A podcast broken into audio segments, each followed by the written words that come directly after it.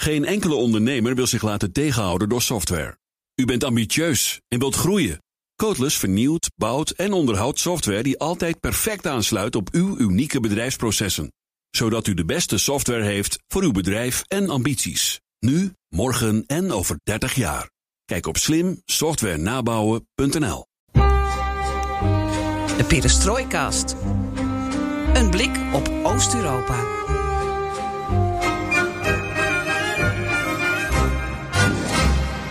Welkom bij BNR Perestrooikast, aflevering 87 van de enige podcast van Nederland die volledig oog voor het oosten geeft en heeft. Een korte, extra aflevering die we inmiddels de perestrooikort zijn genoemd. Want Fidesz is Futsi. Hongarije eh, overtreedt de regels van de rechtsstaat, dat is duidelijk. Maar ook de Fidesz-partij binnen de EVP maakt het nogal bond. Ze verweten onze fractieleider eh, Gestapo-praktijken.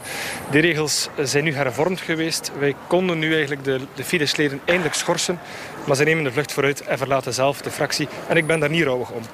Al dus de Belgische Europarlementariër Tom van Denkendelaren van de CD&V, onderdeel van de Europese Volkspartij. En ja, het was duidelijk dat de partij van de Hongaarse premier Viktor Orbán zou vertrekken uit de fractie van de Europese Volkspartij, linksom of rechtsom. Er dreigde dus een schorsing deze week, of zelfs een uitsluiting van zijn parlementsleden. Maar uiteindelijk koos Orbán zelf de aanval. Hij schreef een ontslagbrief en daarmee was het beleid beslecht. Fidesz pakt zijn biezen, gaat voorlopig zelfstandig door en de Europese Volkspartij is een flink aantal zetels armer.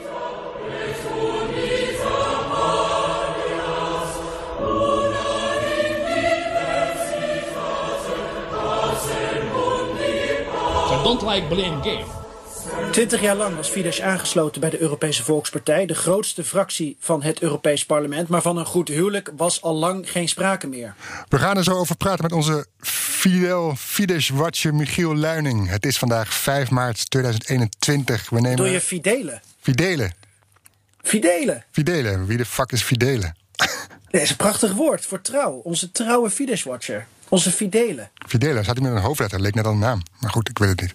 Ah, we, gaan er zo doe over praten met, we, gaan er, we gaan er zo over praten met onze fidele Fidesz-watcher Michiel Luining. Het is vandaag 5 maart 2021. We nemen er een kleine 20 minuten de tijd voor. Ik ben Floris Akkerman. Mijn naam is Geert-Jan Haan. En dit is Perestrooi Kort.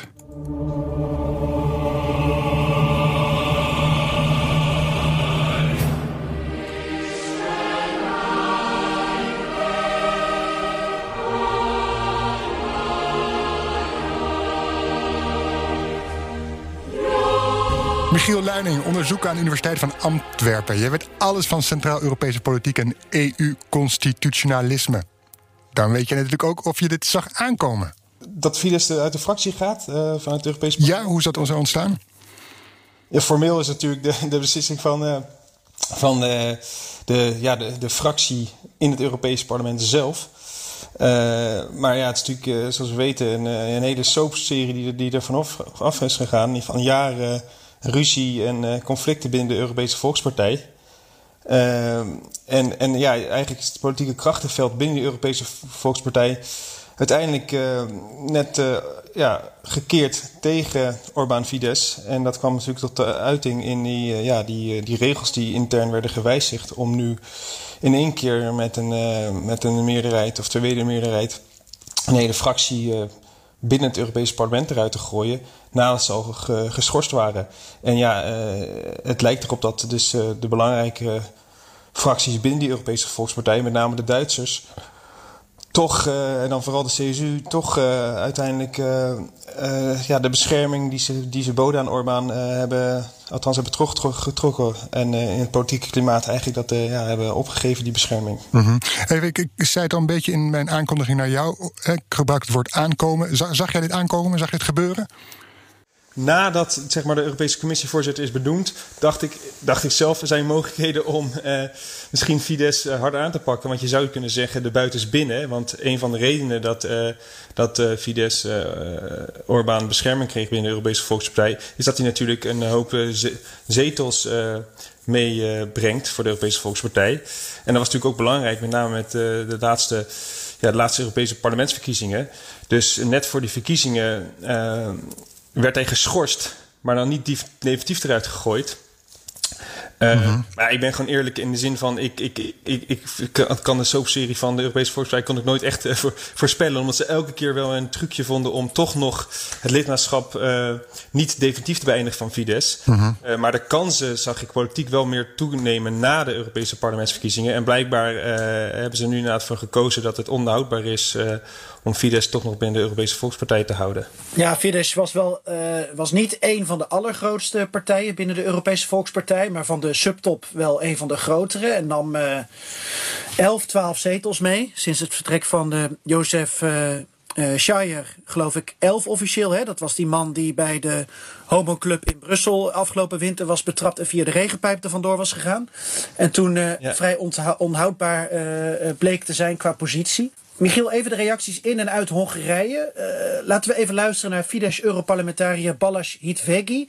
Dit zegt hij namelijk tegen het Vlaamse programma Ter Zake over de schorsing en uitsluiting die dreigde vanuit de EVP. I find it incredible that the EPP group today, in the middle of the coronavirus pandemic, had no better thing to do than to be dealing with an internal uh, matter, a rule, rules of procedure change, in an attempt to suppress uh, the opinion of uh, Fidesz elected MEPs instead of dealing with fighting this coronavirus pandemic, instead of dealing with the vaccinations, instead of trying to help uh, Europeans in the middle of this, uh, of this crisis.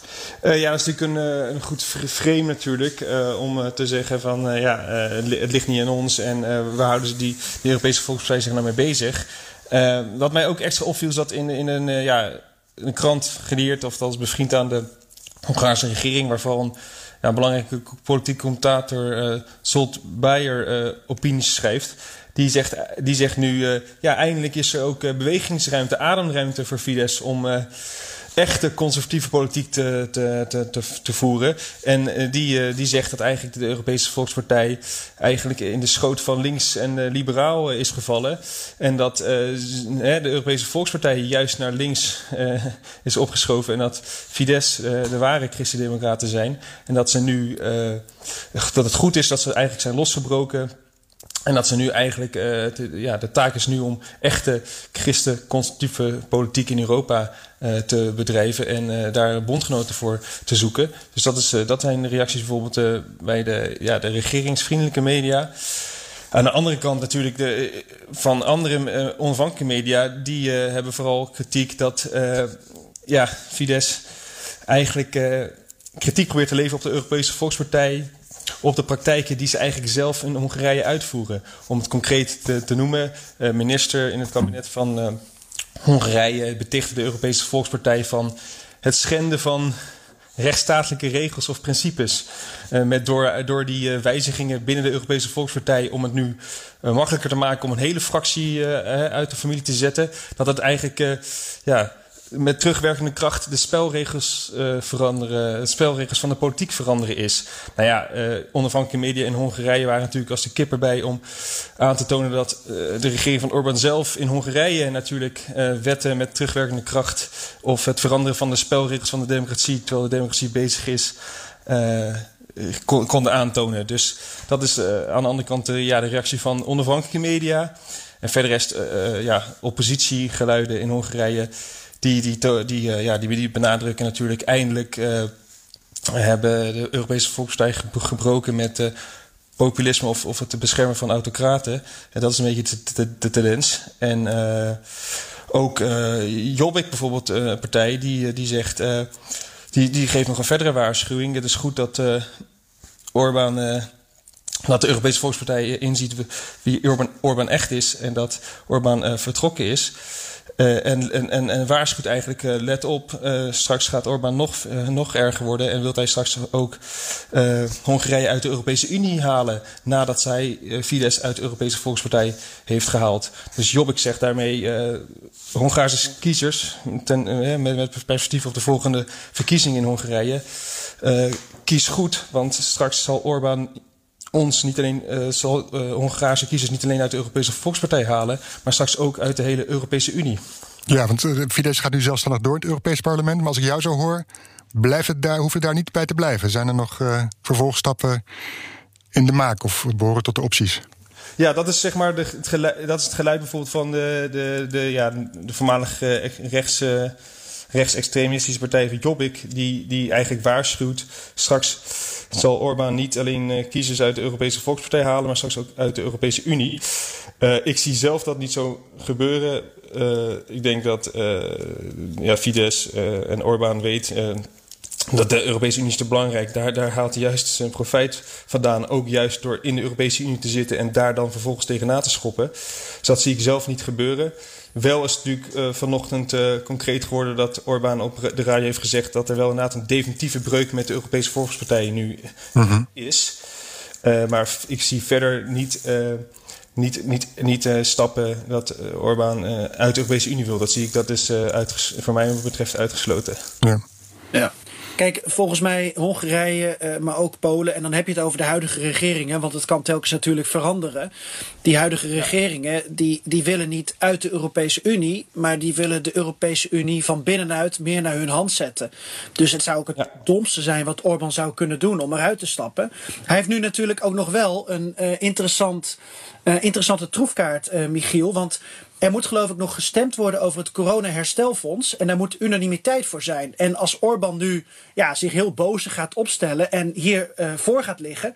Dan zit de hele Europese Unie straks in de penarie. Want dan wordt dat herstelfonds, dan worden die uh, herstelgelden niet verdeeld. Omdat Orbán dat dan vetoot.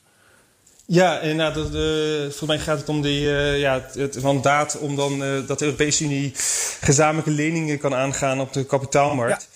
Um, ja, dat is natuurlijk inderdaad de grote vrees. Hè? Want het, het, idee was, of althans het beeld was, of het argument dat naar voren werd gebracht door bepaalde uh, mensen in de Europese Volkspartij, dat ze nog controle of controle konden hebben op Orbán als hij binnen de Europese Volkspartij zat. Dat heeft nou ja, minimaal of, of tot bijna tot niks uh, gebleken. En dat ze, hij die nu eruit is, dat hij opeens uh, nog radicaler wordt en veto's gaat toepassen. Met betrekking tot dat, dat concrete voorstel zie ik dat niet zo snel gebeuren. Want ja, Orbán die gebruikt wel af en toe veto's of, of, of, of strategische veto's om bepaalde belangen veilig te stellen. Maar ik zie dat het ook in zijn eigen belang is voor Hongarije, voor zijn regering, dat die Europese voorstellen doorgang vinden.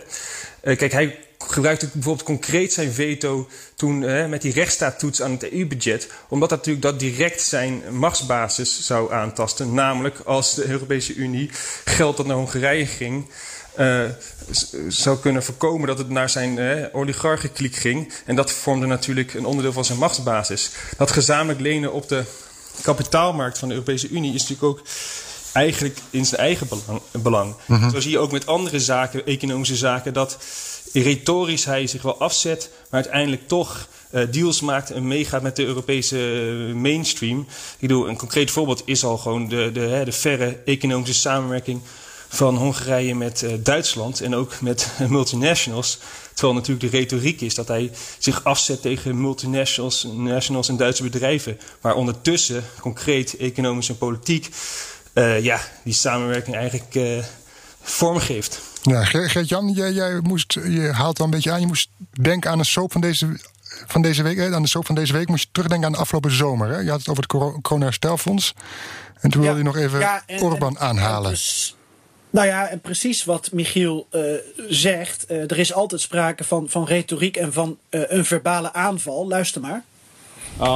I don't know what is the personal reason for the Dutch Prime Minister to hate me or Hungary, but he is attacking so harshly and making very clear that because Hungary, in his opinion, does not respect the rule of law, must be punished financially. That's his position which is not acceptable. Ja, het gaat me hier niet eens bij dit citaat om wat Orbán van Rutte vindt. Maar het gaat erom, en ik ben benieuwd of Michiel dat ook zo ziet, dat Orbán dus altijd verbaal de aanval kiest, omdat hij zich daarmee kan afzetten tegen anderen. Dus er wordt heel vaak een, een vijand gecreëerd. Om maar aan te geven dat het dan nooit de schuld van Fidesz is. Dat het nooit de schuld van Orbán of van Hongarije is. En dat is natuurlijk vooral voor binnenlandse consumptie heel fijn. Maar als puntje bij paaltje komt, denk ik dat Michiel ook gelijk heeft. En dat het niet zo ver gaat komen dat hij bijvoorbeeld uh, uh, die leningen gaat, gaat vetoen. Alleen hij zit wel natuurlijk telkens achter het stuur. En hij weet zich toch heel knap telkens in die positie te manoeuvreren, waardoor anderen van hem afhankelijk zijn. Ja, ja Michiel, je zei, we, we, we- Orbán blijft toch eh, zaken met ons, ons doen. Maar hoe ga je nu dan in de toekomst met hem om? Eh, als Geert-Jan ook zegt, hij zit aan het stuur. Hoe voorkom je dat eh, hij aan het stuur blijft zitten? Eh, als in, in, Europese onderhandelingen, ja. eh, het is een beetje lastig in de zin dat, dat ja, op, op dossiers waar dan unanimiteit voor nodig is, ja, dat is een, politiek gegeven. Dus daar zal je mee moeten dealen. En daar, daar heeft de Europese Unie natuurlijk al mee eh, ge- gedeeld. Het enige is dat eh, ik denk ik nu meer Europese actie ten aanzien van binnenlandse aangelegenheden in Hongarije en ten aanzien van de rechtsstaat misschien eh, meer proactiever nu zie gebeuren. Eh, en dat in die zin dan Orbán onder druk kan worden gezet. Dat hij mi- misschien ook eh, op andere dossiers ja, eh, meer Europese houding of constructieve houding aanhoudt. Maar ja, het is, ik zou zeggen, het blijft lastig. Want ja, als je in, in de Europese context een bepaald veto hebt ja, en die kun je gebruiken, ja, dan, dan moet je altijd toch nog een compromis proberen te, te zoeken. Eh, als je een bepaald Europees beleid toch wil vormgeven. En, en ja, daar, daar, kan je soms niet, daar kan je soms niet langs Hongarije heen. eh. Wat wel apart is, of, of hierbij past, is natuurlijk de vaccinatiediplomatie die momenteel wordt gehanteerd binnen de Europese Unie. Hongarije is natuurlijk de eerste geweest van de eh, EU-landen die de toenadering tot eh, China en Rusland heeft gezocht. Om eh, die vaccins eh, aan te nemen en te gebruiken voor eh, ja, het prikken van, van Hongaren. En nu zie je dat de Tsjechen, de Slowaken, dat dat voorbeeld wordt, wordt gevolgd. Polen zal het trouwens niet doen om zeer principiële redenen. Die zetten zich zo af tegen de Russen dat ze dat denk ik echt niet zullen doen. Maar dit is natuurlijk aan de ene kant vrij briljant gespeeld door het Kremlin en door Peking. Aan de andere kant eh, is dit weer iets waarbij Orbán als het ware de, de woede van Brussel op zijn hals haalt. En Brussel voor de keuze stelt. En dat zie je nu ook. De EMA gaat nu ook eh, Sputnik analyseren en kijken of dat vaccin ook iets voor de Europese markt is. En dat heeft Orbán toch maar weer voor elkaar gekregen. En zo zit hij dus toch weer eh, aan het stuur, aan de, aan de koppeling, of wat voor metaforen je ook maar kan bedenken. En dat vind ik interessant om te constateren, ook in dit geval weer. Michiel, dus we kunnen vaststellen dat ook na het vertrek van Fidesz uit de Europese Volkspartij. Eh eh, Orbán de luis in de pels blijft van de EU? Ja, hij blijft natuurlijk eh, inderdaad als, als lidstaat, ook al is het maar één van de 27, kan hij toch eh, een, eh, een rol spelen. En, en je ziet inderdaad dat zelfs als kleine lidstaat eh, Hongarije, zelfs als frustrerende sp- speler, zeg maar, toch eh, vaak eh, invloed kan hebben op, eh, op, eh, op het, ja, het gebeuren binnen de Europese Unie. Dankjewel, Michiel Luining, onderzoeker aan de Universiteit van Antwerpen, onze Fidesz-watcher. En wil je nou meer horen van Michiel, dan kunnen we aflevering 34 van de eh, Perestroikast zeker aanraden om even terug te luisteren. Waarin we het uitgebreid hebben over de machtigste mannen en vrouwen van Centraal-Europa. eh, en waarin Michiel uitlegt wat nou eigenlijk het mandaat is van al die leiders in het hart van ons continent. Dankjewel, Michiel. Pakka. Eh Vieslat. Zeg ik dat goed? Vieslat. Ik weet het niet, ik ben geen Hongaar. Ik dacht dat dat tot ziens was in het Hongaars. Vieslat. Ik denk dat ik goed zit. Anders zeg ik gewoon Ayato.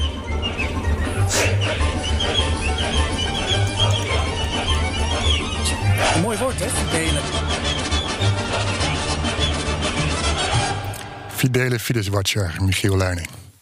Software. Uw bedrijf kan niet zonder. Maar hoeveel u ook investeert, u loopt steeds tegen de grenzen van uw systemen.